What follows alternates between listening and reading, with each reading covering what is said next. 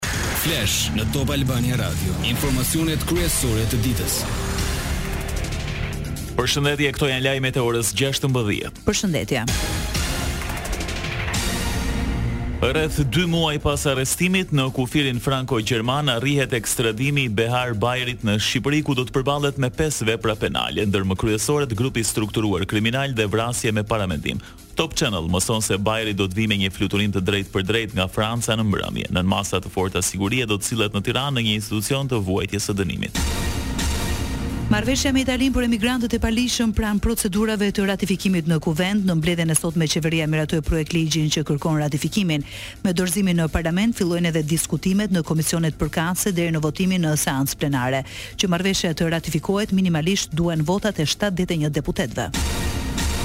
Kryebashkiaku i Kuçovës merret i pandehur nga SPAK-u, Kreshnik Hajdarit iu komunikua akuza për falsifikim formularësh. Dje Hajdari i shpëtoi heqjes së mandatit në KQZ, ndërsa sot pozita e tij është vështirësuar. Në formularin e vetëdeklarimit nuk përmendi një dënim të Gjykatës së Janinës në Greqi për kalim të paligjshëm të kufirit kur ishte shtatëmbëdhjetë vjeç.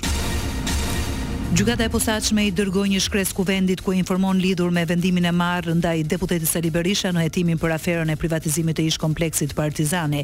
GKKO-ja e vë në dijeni Parlamentin lidhur me vendimin e njëzet e gjashtë tetorit dy mijë e njëzet e tre me objekt marrjen në pyetje të personit nën hetim. Lajmet në internet në adresën www.topalbaniaradio.com.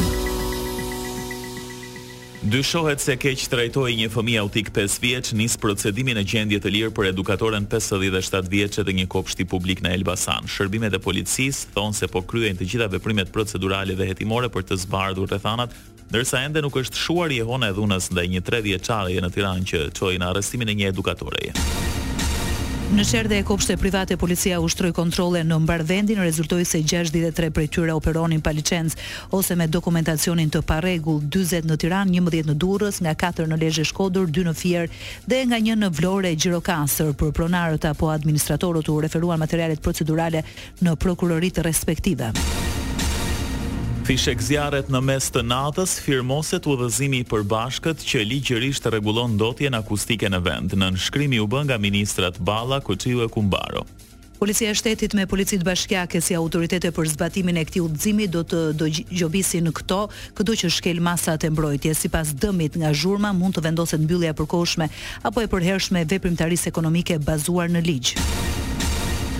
Tuneli i Murrizit përparohet pa pushim në njëqind metrat e fundit. Ndërsa inspektoi punimet, kryeministri Rama tha se me durim do të kapërcehen këto njëqind metra për të bërë më të shpejtë lidhjen e Dibrës me Tiranën. Shefi i qeverisë vuri në dukje se për shkak të gjeologjisë tejet problematike ecet me hapa të ngadaltë. Në çdo hap bëhen përforcime speciale të strukturës para veshjes përfundimtare me beton. Rama inspektoi edhe kantierin e rrugës së re Maqellar-Peshkopi. Lajme nga bota. Në Britaninë e Madhe merr goditje të fortë politika kyçe e emigracionit e kryeministrit Rishi Sunak, kjo pasi Gjykata më e Lartë e Mbretërisë së Bashkuar kuar refuzoi planet e qeverisë për të dëbuar në Ruanda personat që kërkojnë azil e presin një përgjigje.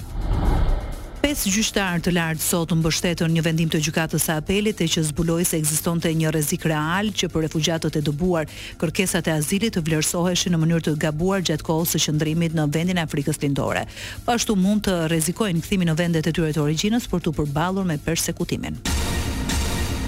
Forcat izraelite bastisën spitalin më të madh të Gazës në orët e para të mëngjesit, ndërsa qindra pacientë, përfshirë foshnje të sapolindura, kanë mbetur me pak furnizime, përfshirë mungesën e energjisë elektrike. Spitali Shifa është kthyer në simbolin e vuajtjeve të civilëve palestinezë gjatë luftës mes Izraelit e Hamasit, grupit palestinez të shpallur terrorist nga Shtetet e Bashkuara dhe Bashkimi Europian. Kryqi i Kuq ngriti alarmin për aktivitetet ushtarake izraelite në spitalin Shifa në Gaza, për agjencinë e lajmeve AFP, Komiteti Ndërkombëtar i Kryqit të Kuq theksoi. Ne jemi jashtëzakonisht të shqetësuar për ndikimin tek personat e sëmurë dhe të plagosur, tek stafi mjekësor dhe civilët. Duhet të merren të gjitha masat për të shmangur çdo pasojë. Në Rripin e Gazës hyn kamioni i parë me naftë që kur Izraeli i vuri bllokadën territorit me dy pikë tre milionë palestinezë të drejtuar nga Hamasi. Izraelitët miratuan dërgimin e njëzet e katër mijë litrave naftë për t'u përdorur nga kamionët e Kombeve të Bashkuara që shpërndajnë ndihma, por jo për spitalet, hyrja e naftës refuzohet me pretendimin se Hamasi ka rezerva të mjaftueshme. Në një email dërguar punonjësve të tij, Sekretari amerikan i Shtetit Antony Blinken pranoi se ka mosmarrëveshje brenda departamentit lidhur me qëndrimin e administratës së Biden ndaj sulmeve të Izraelit në Gaza. Njëqind diplomatë nga Departamenti i Shtetit dhe USAID-i Akuzuan presidentin për përhapjen e informacionit të rremë mbi sulmet e Izraelit në Gaza. Gjyqtarët francezë lëshuan fletarreste për presidentin sirian Bashar al-Assad, vëllain e tij Maher, si dhe dy zyrtarë të lartë lidhur me përdorimin e armëve kimike kundër civilëve në Siri. Franca i akuzon për përfshirje në krime lufte kundër njerëzimit. Fletarrestet u prenë pas një hetimi në Duma e në Gutën Lindore në gusht dy mijë e trembëdhjetë, kur mbi një mijë persona humbën jetën.